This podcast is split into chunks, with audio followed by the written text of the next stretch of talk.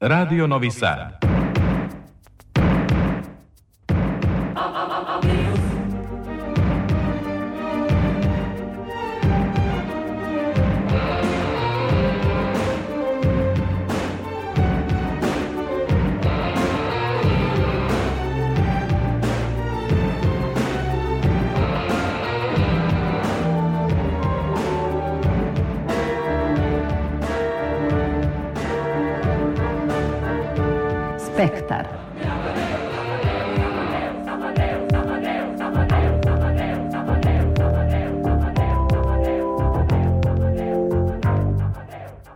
Spectre.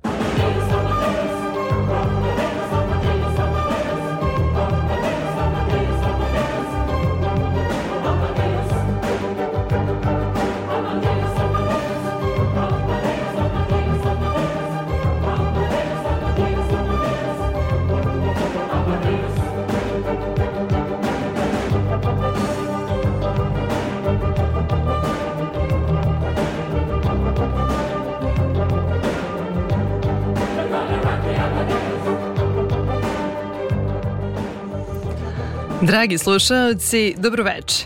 Ja sam Ivana Maletin Ćorilić i želim vam dobrodošlicu u Spektar.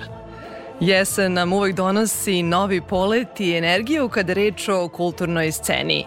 Festivali, izložbe i drugi kulturni događaj ispunili su prve dane oktobra – Sedmica koju polako ispraćamo bila je vrlo uzbudljiva i sadržajna kako u našoj zemlji, tako i u regionu.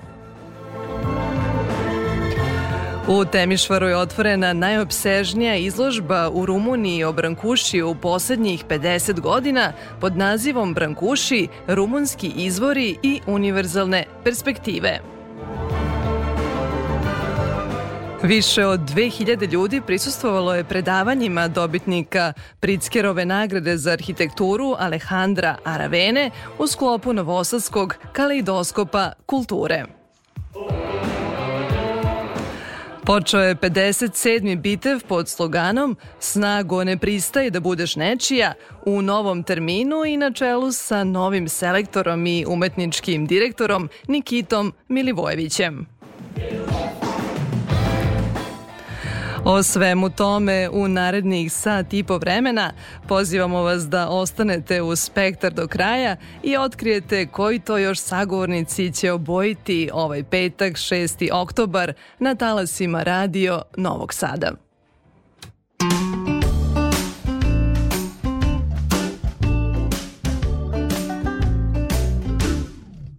I've been high, I've been low, I've been everywhere I wanted to go, but I've never been here before. I've been all around the world, even out of space. But what I'm seeing right now feels like a brand new place. I was so damn close, if it was a snake, it would have bit me. Crawling right under my nose. Baby, I must admit it that I really didn't get it, but now you got me singing la la ba dee da, la la ba dee.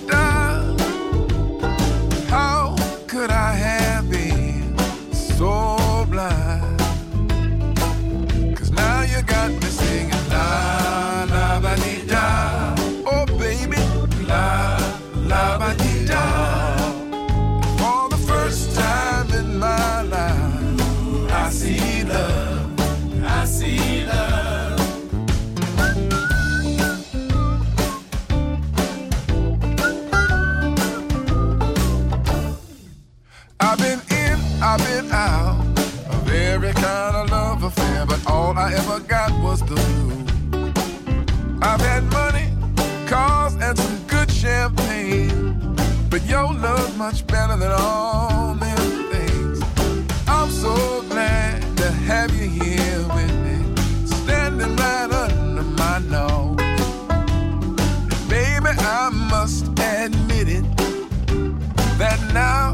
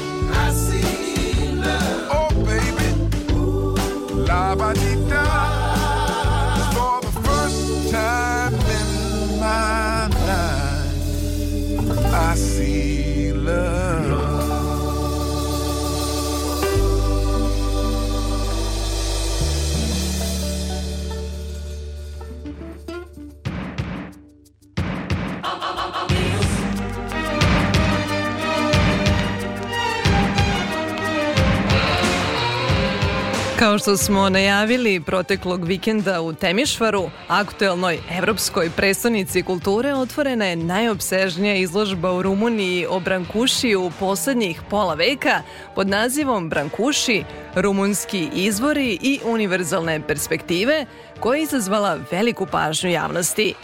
Naime, više od 100 radova jednog od najuticajnijih vajara s početka 20. veka izloženo je u Temišvarskom nacionalnom muzeju umetnosti, zahvaljujući pozajmicama Centra Pompidou, Tate galerije, Guggenheim fondacije, Nacionalnog muzeja umetnosti Rumunije, Muzeja umetnosti Krajove, kao i pozajmicama iz tri privatne kolekcije o postavci koju možete da vidite do 28. januara i životu jednog od najvećih rumunskih umetnika, razgovarali smo sa kustoskinjom izložbe Dojnom Lemni.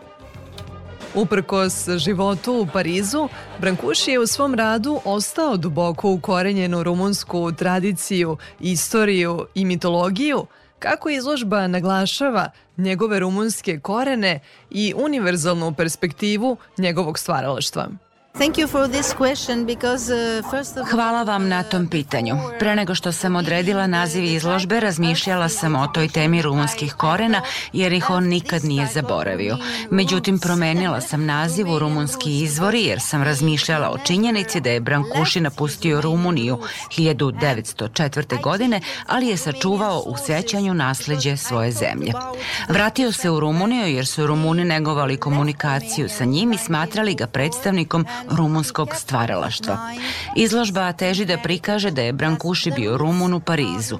Sve do 1913. kada su ga otkrili Amerikanci i američki kolekcionari, Brankuši je prodavao svoja dela rumunskim prijateljima i kolekcionarima. To objašnjava postojanje dve njegove velike kolekcije u Rumuniji, u muzejima u Bukureštu i Krajovi. To je ideja ove kompaktne kolekcije u Temišvaru. Želela sam da se suprotstavim mnogim tvrdnjama i teorijama. U Rumuniji se često kaže da je Brankuši bio odbačeni umetnik, da ga komunistička partija nije priznala i slično. To nije tačno. Komunističkom režimu bile su potrebne ličnosti koje bi predstavljale rumunsko stvaralaštvo.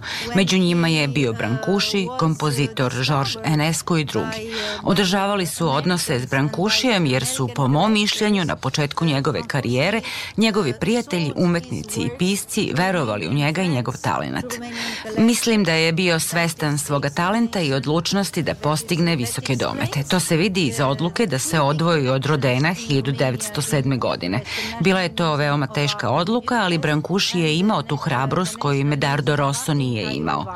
Uz podršku svojih sunarodnika koji su kupovali njegova dela, nastavio je da traga za sobstvenim putem. Odlučio je da se odvoji od Rodena, ali ga nikad nije negirao. Htela sam da istaknem taj koncept na izložbi izložbi. U tom periodu nekoliko rumunskih udruženja pozvalo ga je da kreira spomenike u Rumuniji. Bio je ponosan na to i pristao je, ali nikad nije realizovao te projekte. Prosto nije mogao da pronađe pravu ideju. Predsednica Nacionalne lige žena u Rumuniji i žena tadašnjeg premijera Aretija Tataresku predložila mu je 1935. da kreira spomenik posvećen herojima Prvog svetskog rata. Brankuši je prihvatio, ali je naglasio da želi potpunu kreativnu slobodu. Bio je u pravu što je to zahtevao, jer ga više nije toliko zanimalo predstavljanje ljudi, vojnika, bitaka i slično. Želeo je da postavi neka značajna dela koje je stvorio u svom parijskom studiju. U gradu Targu Targužiju postavio je stup beskraja, visoko oko 30 metara, zaista čudesno delo. Kada je video entuzijazam svojih sunarodnika koji su mu pomogli u tome, predložio je da doda još dva elementa, kapiju poljupca i sto tišine. Mislim da je izložba u Temišvaru simboličan povratak Brankušija u njegovu zemlju. Napustio je Rumuniju želeći da raste kao umetnik i da bude u dijalogu sa velikim umetnicima parijske avangarde, ali održavao je odnose sa sunarodnicima preko prijatelja i različitih udruženja. friends and through some artistic association. Kažu da su delovi Brankušijevog studija u Parizu, poput kapije i drvenih elemenata, neodoljivo podsjećali na njegovu rodnu kuću u Rumuniji u selu Hobica. Je li voleo da stvara u tom ambijentu? You know, Brancusi was very modern. Brancusi had To je samo spoljašnji utisak. Brankuši je zapravo bio vrlo modern. Imao je veliku kolekciju ploča sa muzikom iz svih krajeva sveta. Bio je daleko od stereotipa o seljaku sa Karpata. Voleo je nekada se time poigrava, ali je slušao džez muziku i muziku drugih naroda. Imao je i ploče sa mađarskom i srpskom muzikom. Nije preferirao samo rumunsku muziku, već je bio otvorenog uma. Francuski kompozitor Erik Satie bio je njegov najbolji prijatelj. Turskoj. Družio se i sa slikarom i vajarom, Marcelom Dišanom i drugim intelektualcima tog doba. Brankuši je bio kompleksna ličnost. This Brankuši je govorio da je kao dete sanjao da leti po drveću i prema nebu, sačuvao je nostalgiju prema tom snu i kasnije u svom radu nastojao da kako kaže, predstavi dar ptice, njen uzlet i elan – Kako objašnjavate njegovu strast prema pticama? Like everybody, Kao i svi, i ja sam maštala da letim. Istina je da je Brankuši bio pod uticajem narodnih predanja.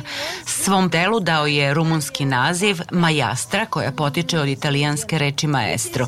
Brankuši je krenuo od ideje o začaranoj ptici koja božanstveno peva i transformisao je u pticu koja se sprema za let. To je divno, to je dvostruki preobražaj. It's a double metamorphosis. Brankušijeve ptice sastavni su deo njegove izložbe u Temišvarskom nacionalnom muzeju umetnosti. Poznato je da su Brankušijeva dela rasuta po muzejima i galerijama širom sveta. Kako ste uspeli da ih prikažete u Temišvaru? Pretpostavljam da je to bio veliki organizacioni poduhvat. Da biste dobili pozajmice od svetskih galerija i muzeja, morate da ih zatražite dve ili tri godine unapred. Mi smo to učinili pre tri godine, pokušavajući da utičemo na direktora centra Pompidou, gde ja inače radim, kao i na predsjednika upravnog odbora Tate galerije, čiji je član i predsjednik Art Encounters fondacije Ovidiju Šandor i čije kusto se i poznajem. Morali smo da ih ubedimo da Temišvar ima veoma lep muzej sa adekvatnim uslovima za organizaciju izložbe, pošto je, kao što znate, izveštaj o kapacitetima veoma striktan. Na kraju smo uspeli u tome. Ako biste me pitali šta je vrhunac izložbe, za mene je to granica, poslednje delo u seriji Poljubac. Brankuši ga je stvorio 1945. kada je Rumunija izgubila svoje teritorije, Moldaviju na istoku i deo Bukovine na severu koji se sad nalazi u Ukrajini. Mislim da je to delo zvezda naše postavke u kontekstu događaja kroz koje smo prošli. To je jedino delo koje predstavlja simbol od istorijskog značaja u Brankušijevom razmišljanju i važno je iz njegovog ugla. Brankuši ga nije objasnio, ali je izrazio svoju tugu kada je Rumunija izgubila teritorije. Nastao je kao simbol bratstva i mira.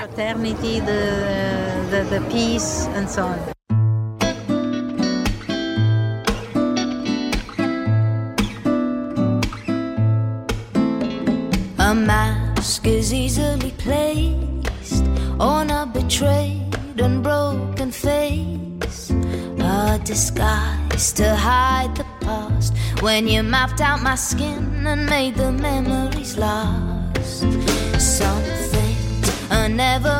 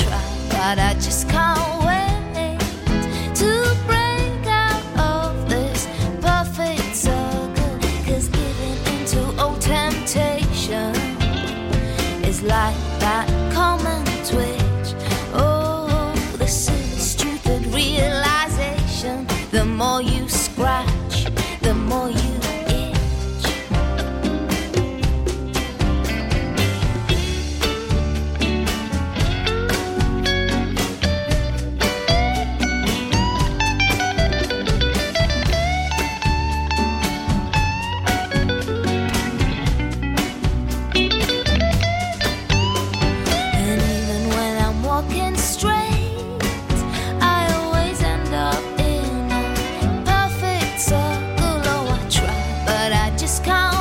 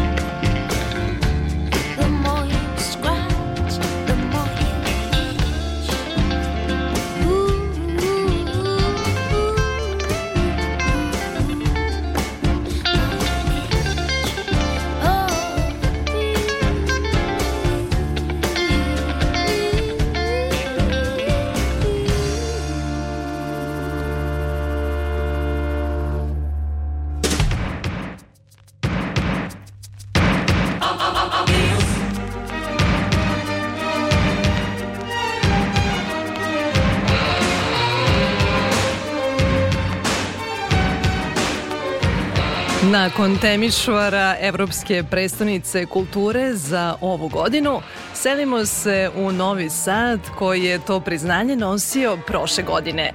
Kalidoskop kulture, jedan od legata tog projekta, koji traje do 15. oktobra, uspeo je da napravi presedan kada je arhitektura kao umetnost u pitanju, okupivši gotovo 2000 ljudi na predavanjima čuvenog arhitekte Alejandra Aravene, koji je prvi put boravio u Srbiji. Dobitnik Pritzkerove nagrade, najvrednijeg priznanja u oblasti arhitekture, predstavio je projekat socijalnog stanovanja u Čileu koji je pokrenuo u sklopu svoje firme Elemental, po čemu je postao poznat širom sveta. O tom projektu i budućnosti savremenih gradova govorio je za naš radio.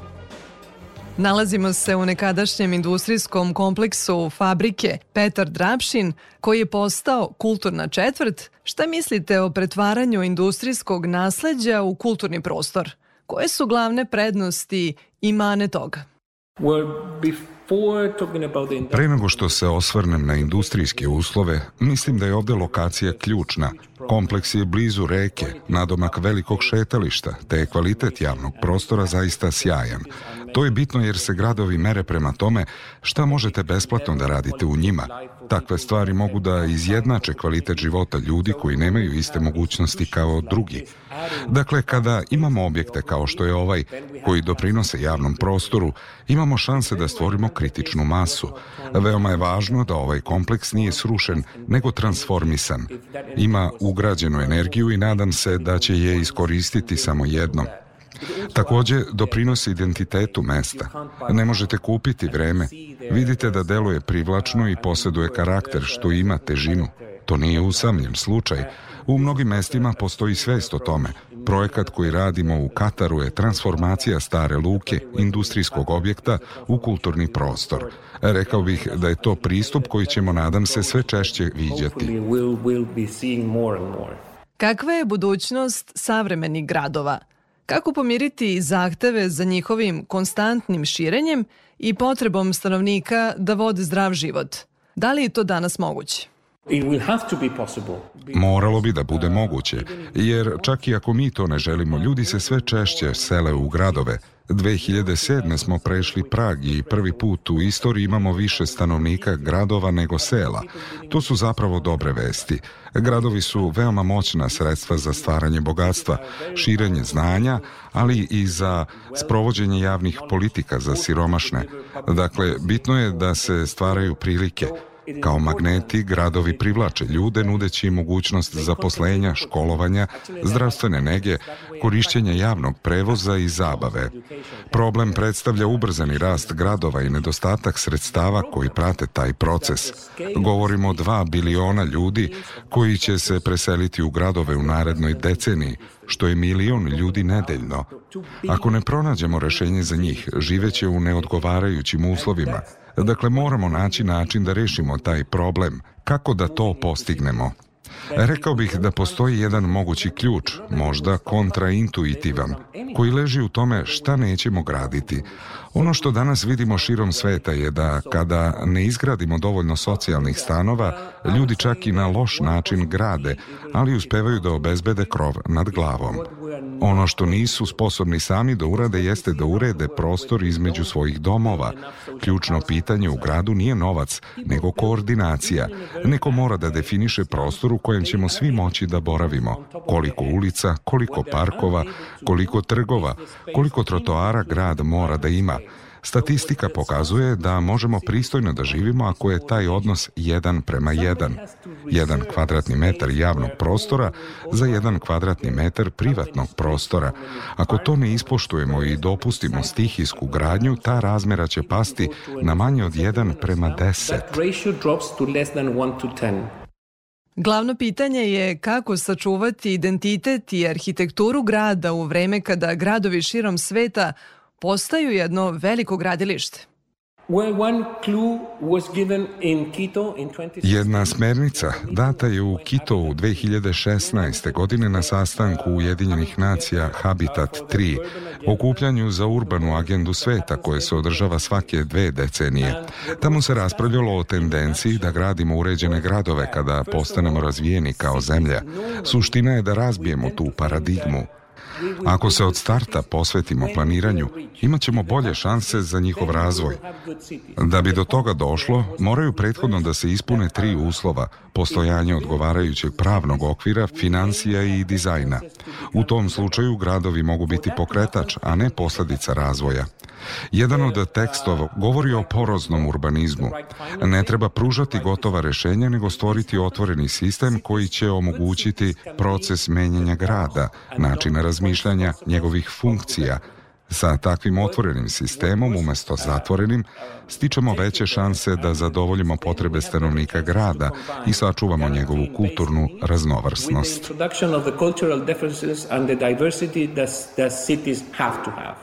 Za kraj, kada ste pomenuli otvoreni sistem, vaša firma Elemental objavila je javno četiri projekta socijalnog stanovanja za koje ste i nagrađeni. Šta mislite o konceptu arhitekture otvorenog koda i na kakav odjek je taj vaš potez naišao? Da, kada smo počeli da radimo, želeli smo da dokažemo tržištu da greši, da možemo u istom obimu i sa istim budžetom, a kad kažem budžetom, mislim na 7.500 dolara za kupovinu zemljišta, obezbeđenje infrastrukture, komunalije i radnju, da napravimo bolje rešenje od postojećeg. Svi su nam govorili kako je to nemoguće, Završili smo naš prvi projekat u centru grada, gde je cena zemljišta bila tri puta veća nego što socijalno stanovanje može da priušti. Početna površina je ostala ista kao kod socijalnog stanovanja oko 36 kvadratnih metara. Međutim, dosadašnje iskustva pokazuju da porodicama srednje klase treba oko 70 do 80 kvadratnih metara za život. Stvorili smo sistem koji može da se proširi, pošto bi se to i onako u jednom trenutku desilo. Kad smo to postigli, tržište je počelo da traži izgovore. Govorili su, da, ali to je u pustinji u Čileu. Tamo nema kiše. Šta je s kišnim gradovima? Zato smo otišli na jug i gradili u tom području. Onda su rekli, da, ali ovo je mali grad. Stoga smo se uputili u metropolitansku oblast u Santiago, u najskuplji deo grada, da dokažemo da možemo da uradimo isto. Na to su odgovorili da, ali ovo je ravno zemljište šta je s padinama. Dokazali smo da isto važi i za njih. Dakle, odbacili smo sve moguće izgovore. Poslednji je bio, da, ali dizajn je preskup. To nas je podstaklo da omogućimo besplatno preuzimanje dizajna sa naše internet stranice bez kršenja autorskih prava, Zadržali smo samo copyleft, što znači da ako koristite naš dizajn zarad dobrobiti zajednice, bilo da ste iz nevladinog sektora, opštine ili vlade, onda je to besplatno. Ako ga koristite za ličnu dobit, onda sledite konvencionalni patentni sistem. Cilj nam je bio da odbacimo sve izgovore, Radili smo na jednom mogućem rešenju, ali možda postoji još mnogo drugih. Nismo želeli da drugi moraju da kreću od nule. To je razlog što su naši projekti preuzeti sa internet stranice više od stotinu hiljada puta. Mi smo mala praksa i ne možemo da ispratimo sve, ali smo videli primere transformacije nastale korišćenjem našeg dizajna i mislim da je to pravi način. To je veliki izazov, tako da što više ljudi bude razmišljalo o tom pitanju to bolje. We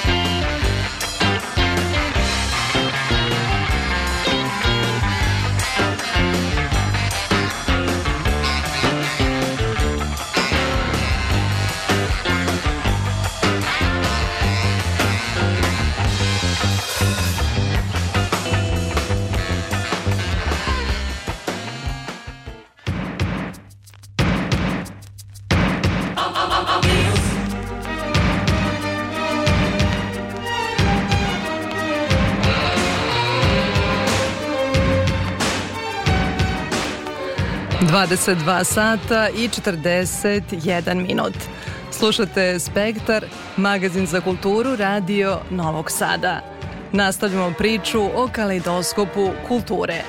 Trima izložbama otvorenim u kreativnom distriktu obeleženo je 100 godina nekadašnje industrijske zone koja kao legat Evropske prestonice kulture danas živi novi život umetničkog i kreativnog prostora.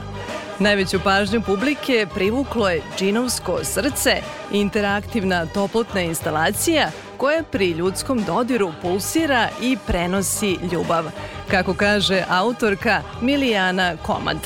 No, veoma ambiciozno zamišljena je i postavka o srpskoj umetnosti od 1923. kada je nastao distrikt do danas – Izložbu je prema konceptu Save Stepanova realizovala galerija Belart u saradnji sa Evropskom prestonicom kulture. Dragocenost ove postavke priređene u više izložbenih prostora jeste uvid u privatne kolekcije i kulturno blago koje čuvaju – Mnoga dela naših vrhunskih umetnika od Jovana Bijelića, Branka Popovića, Šumanovića, Čelebonovića do novosadske neo-avangarde veoma su redko bila pred očima javnosti, kaže likovni kritičar Sava Stepanov.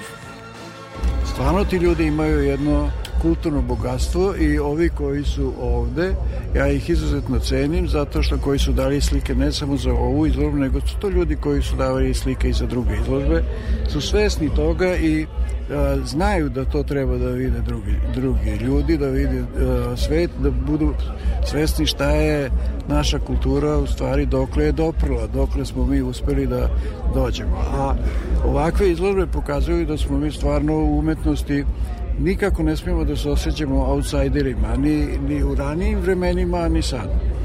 Zaista se iznenadi čovjeka šta se vidi. Mene je najviše iznenadilo, znam za tu strast prema starijoj umetnosti, kada je sve rešeno, kad se zna ko je tu glavni, ko je Konjović, ko je Sava Šumanović, ko su ostali umetnici, ali pazite, imate kolekcionare koji ulaze u sadašnju umetnost i koji se bave umetnošću koja je bila 90. ih i 80. godina I, i to su kapitalna dela. To je period u kojem sam ja radio i ko, koji izuzetno dobro poučestvovao pa sam u tome. Poznajem, oni su stvarno, imate ovde neka dela za koje nisam mislio da će ikad doći do, do privatnika. I ja sam se sam iznenadio kad sam vidio šta sve privatnici imaju. Tako da je bilo moguće napraviti jedan jedan pregled uh, onoga šta se dešavalo u srpskoj umetnosti uh, za tih 100 godina.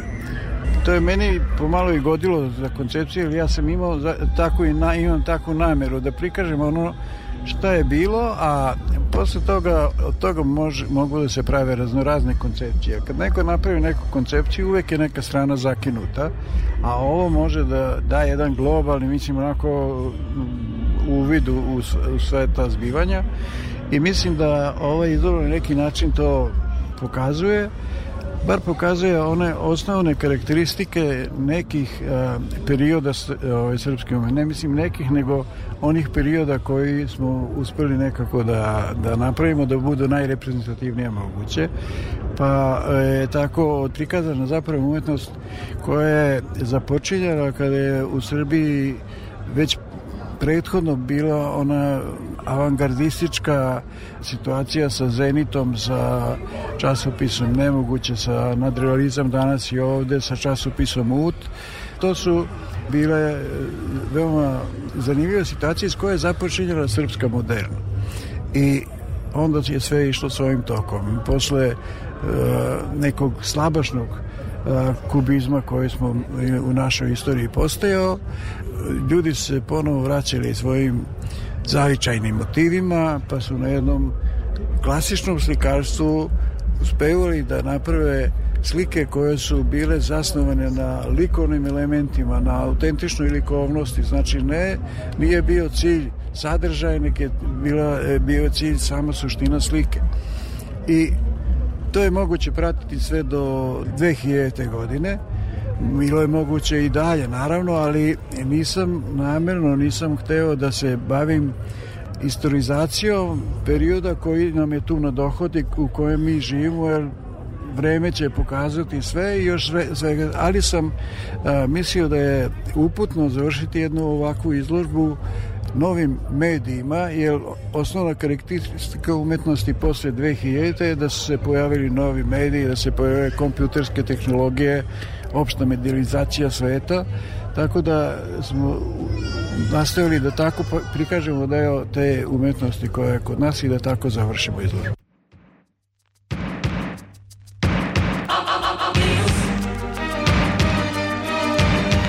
A u fabrici nekadašnjem prostoru Studenskog kulturnog centra Novog Sada je postavka Duh mesta – na muzeološki savremen način uz mnogo interakcije s publikom i multimedija govori o 100 godina nekadašnje kineske četvrti.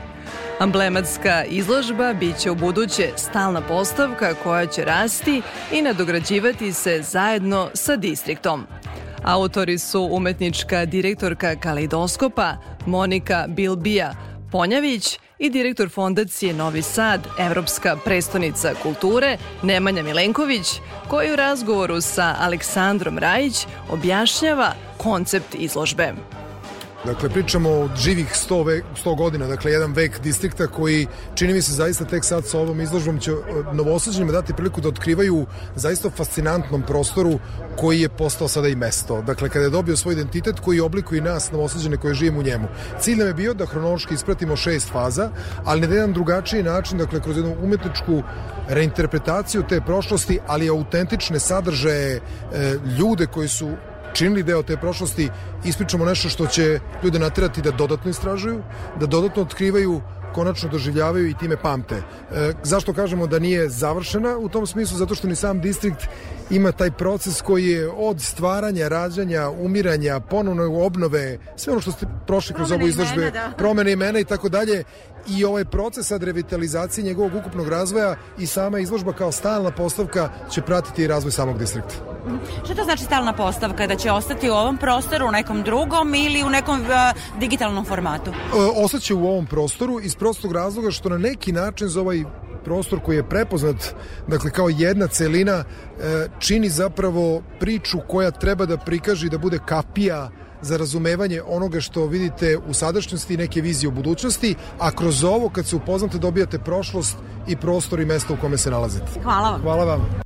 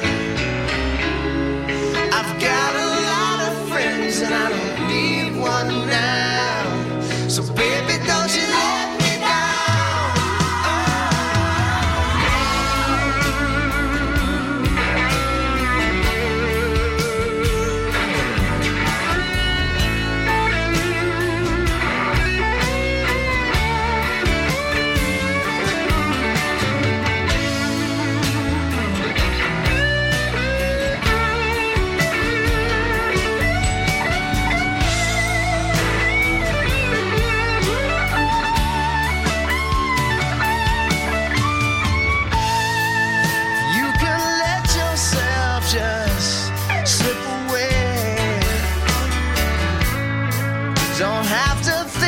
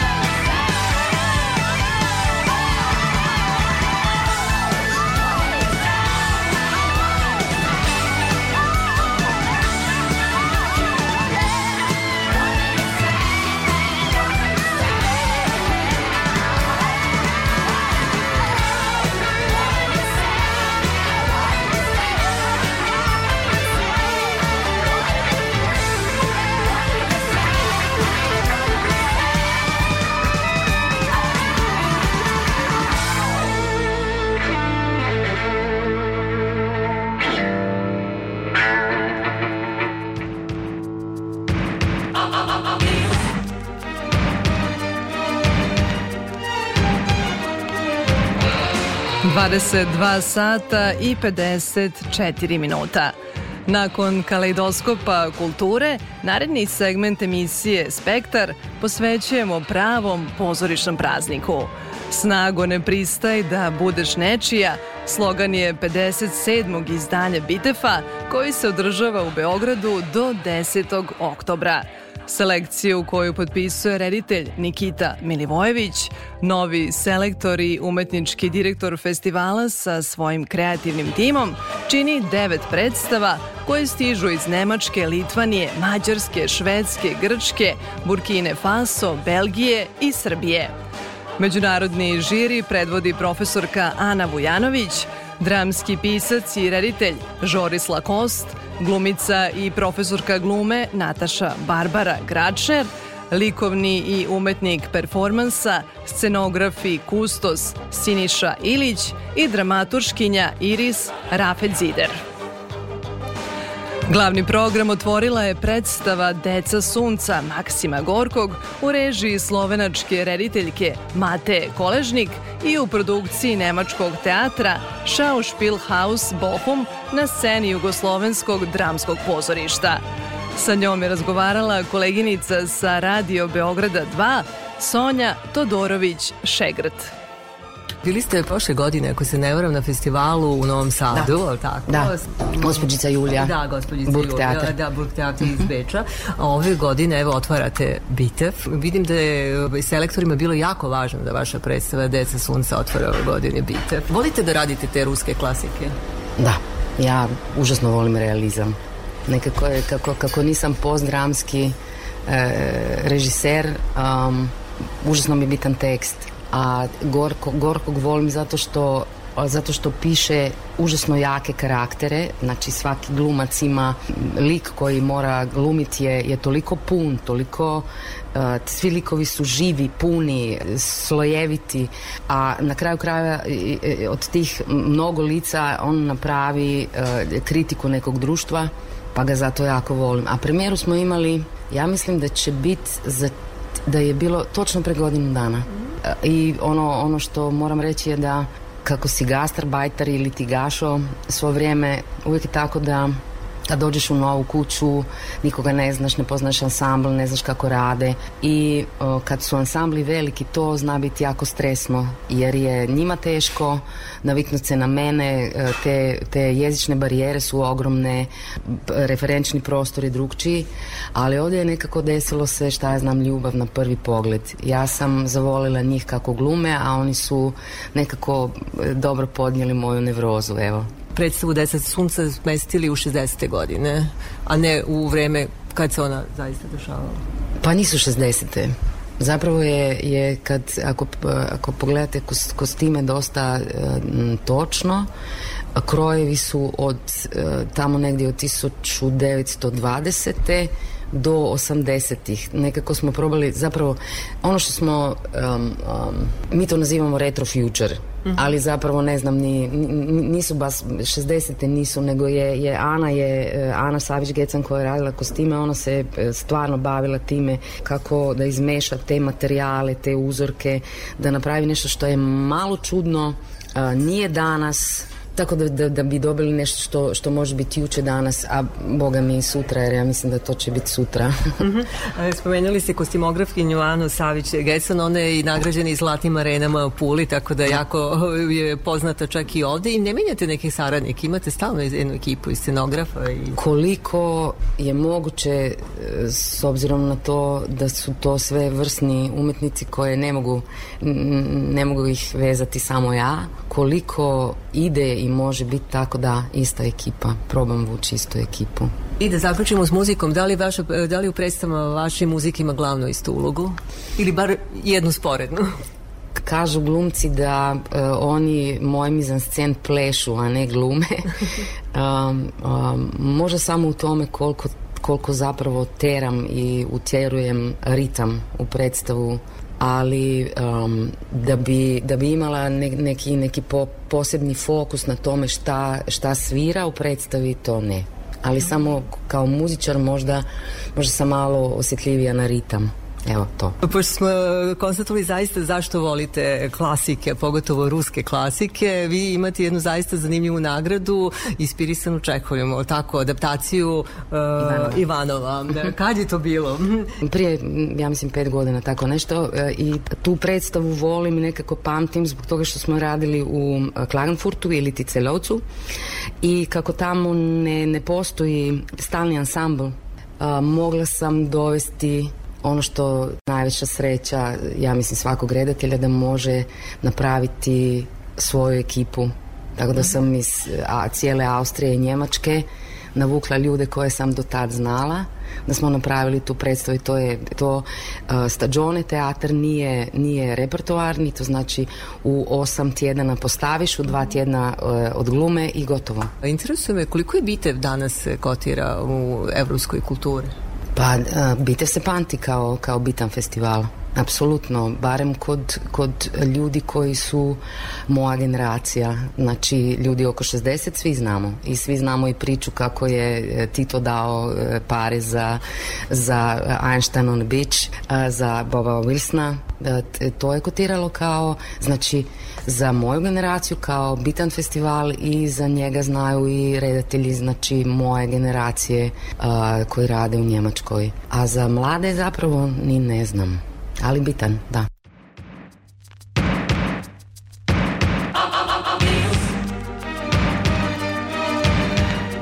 Kakva atmosfera vlada na 57. Bitefu koji se održava ove godine u novom terminu i kakve emocije vežu njegove verne posetioce, reditelja Andraša Urbana i glumce Nadu Šargin i Svetozara Cvetkovića za taj festival, poslušajte u narednim minutima.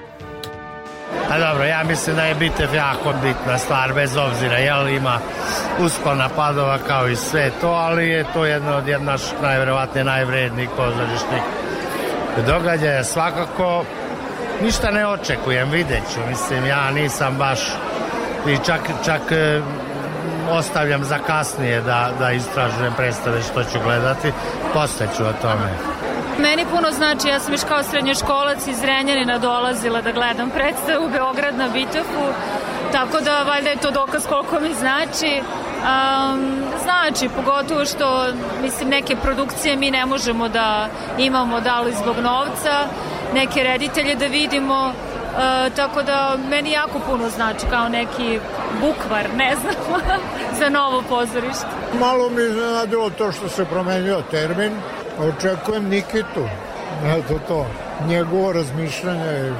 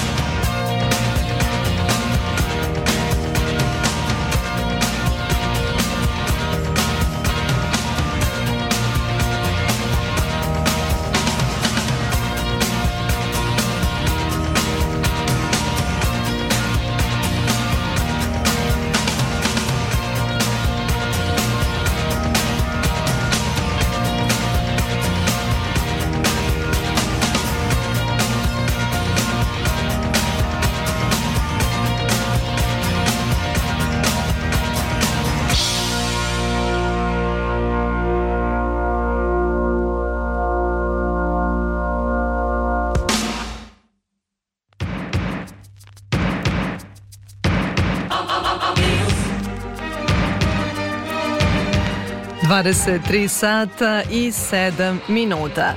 U Spektru, magazinu za kulturu Radio Novog Sada, nastavljamo priču o pozorištu. Tamburaški mjuzikl Palo inje, pao sneg – premjerno izvede na sceni pozorišta mladih. Tekst Vanje Čobanova adaptirao je majstor melodrame Stevan Koprivica, a ljubavnu priču između tenora i soprana, u koju se iznenada umešao bariton, ispričali su glumci Vanja Jovanović, Darko Radojević, Kristina Savkov, Aleksa Ilić, Ivan Đurić i Saša Stojković. Muziku koju je komponovao Jovan Adamov izveo je tamburaški orkestar Velos. U pitanju je komad koji nije klasičan, ali odiše lepotom vojvođanske ravnice i ozbiljnošću koju ne očekujete kada čujete tamburicu. Poručuje reditelj Darijan Mihajlović, dodajući da savremenom teatru nedostaju predstave koje tematizuju upravo ljubav.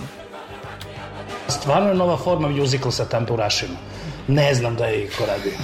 Iako, jako podsjeća po atmosferi na ono Soja Jovanović, Pop Čira i Pop Spira koje se dešava u Banatu, u Banatskom selu Sakule, a ovo se dešava u Vojvodini, u Vojvođanskoj smešteno je u Vojvođansku ravnicu, a ravnica ume da povuče. Ume. Kako kaže jedan stih iz predstave. I onda to dvoje mladih, Jovicu i Ivu, povuče ravnica, pa se zaljube, pa se nađe tu i treći, jer to je otprilike napisano kao i svaka opera koja ima vrlo kratak siže, dvoje se vole, a jedan zlikovac kao svakoj melodrami se nađe koji će da im smeta, to je ovaj, eh, jedan sveta koji je najbolji Jovičin drug, I onda naravno iz te jedne jednostavne na, na izgled melodrame, jedne naivne idilične atmosfere u Banatskoj ravnici, nije Sakule, ali je na Tisi sve, se ta ljubav rodi, procveta kao što cveta Tisa, a Tisa cveta jednom godišnje, redko. Dakle, light motiv cele predstave, zato što je u stvari to cvetanje Tise i cvetanje njihove ljubavi predstavlja. I onda na kraju ona umre od jektike, ali sad neću da spojlujem što kažu mladi, ali nije u pitanju ovde neki thriller, ma mada melodrama i thriller imaju jako, imaju jako veze, uvek imate zlikovca u thrilleru, dakle thriller je nastao iz melodrame, ali ovo je jedna divna priča ispričana muzikom Joce Adamova. I prvo je nastala muzika, pa je nastalo sve drugo. I, jedan rad koji podrazumeva, kažem, rad sa baletom, sa tamburašima, sa divnim glumcima s kojima sam već radio ovde u ovom pozorištu na tri musketara, koji odlično pevaju i koji imaju, kažem, izvanrednu lutkarsku scenu, ali i izvanrednu scenu za musical. Dakle, oni su jedan ansambl koji je sposoban za obe stvari apsolutno podjednako što dokazuju iz večeri u večer kad igraju i mislim da je ovo jedan veliki izazov i za ansambl i za mene, kažem, pošto radio sam mjuzikle i opere, ali nisam sa tamburašima.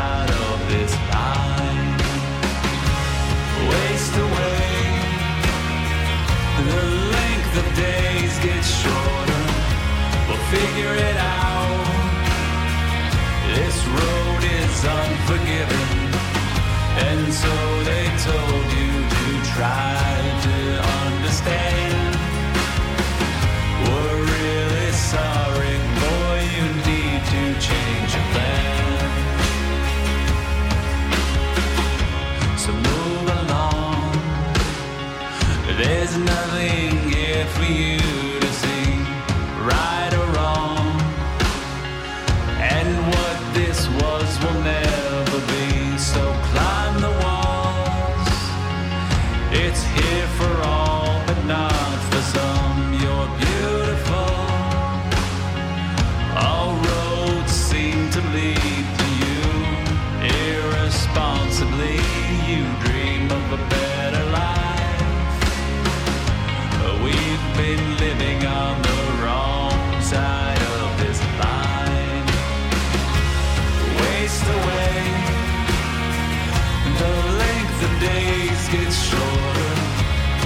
figure it out.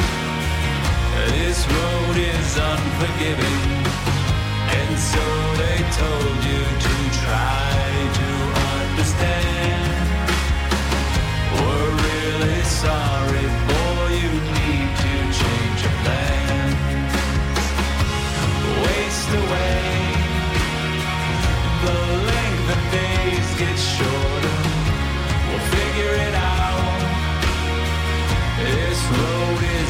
forgiven. And so they told you to try to understand. We're really sorry, boy, you need to change your plans. So move along, there's nothing here for you.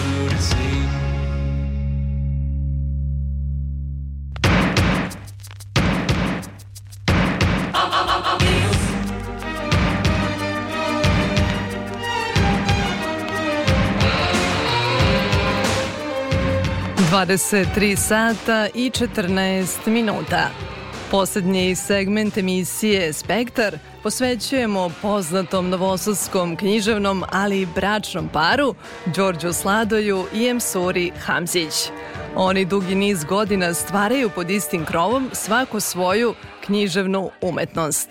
Jedno drugom su prvi čitalac kao najveća podrška i najstrožiji kritičar ujedno. U razgovoru sa Isidorom Bobić otkrivaju, između ostalog, detalje o svojim novim pesničkim knjigama, Dimnim znacima Đorđa Sladoja u izdanju Gradske biblioteke u Zrenjaninu i klinastom pismu Emsure Hamzić objavljenom u izdavačkoj kući Gramatik zadržali ste tu melodičnost i tu neku, što kaže Nastasijević, maternju melodiju i baš u divnim znacima napisali ste otkrio sam da sve reči traže rime, što mene ovako asocira na taj znak jednakosti između pevanja i pisanja i na neka davna vremena pa i, pa i mitska eh, i na te korene eh, pesništva. Čini mi se da je danas vezan iz tih egzotika. Da, ima jedan ruski pisac, Juri Poljakov, koji kaže Bože, nemojte ga hvaliti i proglašavati genijem samo zato što piše u vezanom stihu. Možda još nije naučio da rimuje. Dakle, da, da, da. sasvim je očigledno da je poezija u vezanom stihu u prednosti, barem što se kritičara tiče. Dakle, ima i onih koji su se do juče rugali Rimi, a sad prebrojavaju slogove u sonetu. Uopšte kad je o tome riječ, mislim da nije za poeziju presudno da li se piše u slobodnom, jer i slobodni stih ne može biti potpuno slobodan, slobodan. od smisla, od značenja, od ritma i tako dalje, već mora biti obličen konačno deseterac slobodni, ne rimovani stih, ali veoma strog i tu nema nikakve rasprave. A što se rimovanja tiče, što ste citirali taj stih, Brodski kaže da se sve rimovalo, nekad se poezija pjevala, muzika i poezija su bili jedno, pa se onda to je li, razdvojilo kao mnogo šta, ali je ta žudnja za tom izvornom melodijom ostala. Ono što je istorija razrimovala, poezija pokušava da srimuje, dovede u zvučne i simboličke veze. Eto, to u najkraćem tako stoji. Vi zbirku Klinasto pismo otvarate pesmom Truli svijet. E, u njoj se već naziru konture, motivske strukture, zbirke i stava. S jedne strane stoji ta neka zabrinutost za čovečanstvo, a s druge strane stoji, ja bih rekla, svetlost. Je li to interpretacija vaša okolnosti u kojima živimo i da li ste promenili stav sa godinama s vremenom prema svetu ili vam se od uvek činio takvim kao u pesmi kojom otvarate zbirku? Taj pesimizam zapravo najčešće izvire iz e, okolnosti u kojima se čovjek nalazi svijeta kao globalnog e, pojma. Jako je malo pozitivnih i dobrih i lijepih stvari i ako je čovjek svjestan i ako sluša i ako prati, ako mu je stalo do ovaj, uopšte svijeta i, i ljudskih bića kao takvih, kao braće i se stara, naravno da, da je pesimizam prevlada kad pogledate sve to, ali sa druge strane moramo da budemo optimisti i moramo da širimo pozitivnu i svijetlu stranu da povećavamo Mislim da sam jednom čak rekla možda je potrebnije e, ljubav i želja za, za pozitivnim i svjetlijim, možda je potrebnije onima koji su veoma pesimistični, veoma loši i čine veoma loše stvari, jer to je kao da ne posejete baštu, a očekujete da će na njoj nešto nići. Znači u mhm. te ljude morate da posadite zrnce nečeg pozitivnog, neke ljubavi koliko god vama to bio napor, i trebalo bi svako da ga mhm. učini. Kad smo kod te ambivalentnosti, otkrila sam jednu i kod vas, Đorđo, kažete možda zbilja nema smisla pevati posle Jasenovca, ali gde će se spasti barem ova sirota suznaslovca? Pa mogao bih se nadovezati na ovu Emsurinu priču, jer poezija kako god i o čemu god pisala, a onda dakle i o najstrašnijim stvarima, to je, ona mora biti na strani života dakle na onoj ljepšoj, svjetlijoj e, strani. Mm, to je, razumije se, parafraza mm, stiha e, ili tvrdnje da nema smisla poslije Auschwitza pisati, međutim čovjek pjeva i u ratu i što bi Vasiljev rekao i pjeva poslije rata, e, pjeva onaj kome je to dato i poezija e, ništa tu bitno ne može promijeniti to je ne znam koju je tu e, obavezu nametno, ali može simbolički da osmisli život, da ga učini harmoničnim, plemenitijim, e, da uljepša ljepotom izraza, sklada i tako dalje. To je ono što poezija može da uradi i nakon Jasenovca i nakon Auschwitza i nakon svih čudesa strašnih i surovih koji nas snalaze i kojima svjedočimo. Pitanje za oboje kako se slažu liričari i prozaista u vama? Pa isti je jezik, samo je ritam s tim što su kod mene na primjer primijetili da je roman moj jedan do sada koji sam objavila je praktično pun lirskih pasusa jer pjesnik je uvijek pjesnik kako mu je data ta da kažemo linija i ta vrsta ovaj ozvučenja i, i ritma koji je presudan a ovaj a u suštini ono što ne mogu i što ne, što ne trpi poezija tematski ili na drugi način, onda naravno da se to može malo drugačije sa malo drugačijim da kažem formom i govorom u, u prozi ostvariti s tim što sam ja bukvalno ovaj, od početka 88. i 89. godine u Svjetlosti Sarajevskoj objavila prvo knjigu pjesama Ugljevlje, a potom knjigu Jerihonska ruža, knjigu priča koja je bila tada u tadašnjoj Jugoslaviji veoma zapažena i bila je među tri knjige za Andrićevu nagradu. Znači već sam počela tada paralelno da to stvaram i da pišem, tako da mi je to prosto neki, neka vokacija koja u meni postoji i potreba, a bez te potrebe istinske vokacije nikakvo rimovanje, nikakve rečenice, savršene zapete, zarezi, tačke, uzvičnici neće vam pomoći da taj tekst bude književni, mhm. relevantan mhm. tekst. Dakle, bitna je suština i suštinska potreba i dar da to napišete. Đorđe. Pa ja sam dugo pisao samo pjesme, samo poeziju i onako smijene na uštap i kad bi me nagovorili esej ili kritiku osvrt. Međutim, u, i, i u poeziji mojoj postoji ta igra epskolirska, kao što postoji igra ironisko, elegijska i tako dalje, humorno, tragična.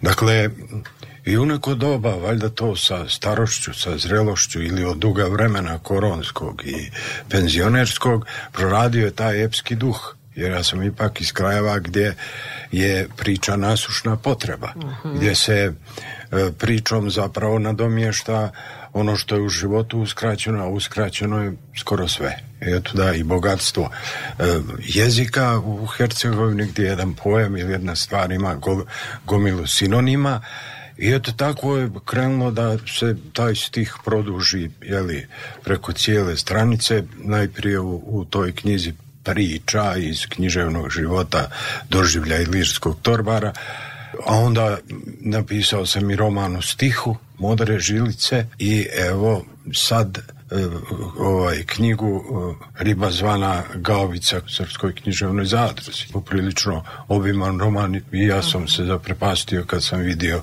koliko je na koliko je to izašlo. Šta vam je bio najveći izazov stvaralački? Je li roman u stihu ili? Meni je i dalje najveći izazov pjesma. Oboje čuvate metaforu kao srž e, poetike, to bih rekla. Vidim da današnji pesnici onako pribegavaju poređenju e, pre nego metafori. Metafora je u stvari skraćeno poređenje.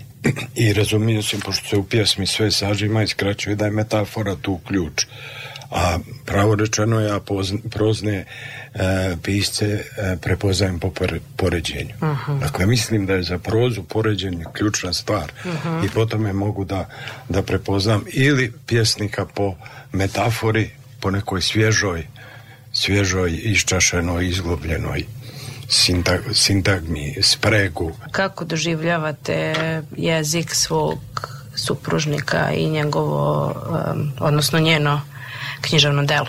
To mi je blizak jezik, dakle, kada me je Mileta Tačimović Ivkov na jednoj promociji u Beogradu, mislim da je baš bila knjiga o sevdalinkama, pitao, izvini, a kojim jezikom si ti pisala? Pa ja kažem srpsko-hrvatski, ja sam prosto tim jezikom govorila, taj jezik sam slušala, mnogo arhaizama, mnogo orientalizama, tako da je jezik kojim Đorđe govori meni veoma blizak, ako ne i da pričamo zapravo istim jezikom, a i njegovo književno djelo mi je dosta blisko, tako da smo, dobri smo supružnici, ali i kolege. Za vas ću malo da preformulišem, mislila sam na, na poetiku u tom smislu, na, na jezik, na, na književni jezik, na izraz mhm. zapravo, ali nema veze, da. nek ste otkrili i ovaj sloj. Pošto sam ja prvi čitalac zapravo onoga što ona napiše i obrnuto, dakle mogu reći da je to poezija visokog, visokog e, estetskog e, dometa, poezija koja podjednako govori o unutrašnjem svijetu i onome vanjskom i da to na jedan fini, fini način sažim, sažima i što se tiče forme i što se tiče jezičkog, jezičkog izraza Hvala vam mnogo što ste govorili za Radio Novi Sad. Hvala i vama što ste nas pozvali. Hvala što ste nam omogućili da se dodatno afirmišemo, jel? Da se to mora raditi svakodnevno.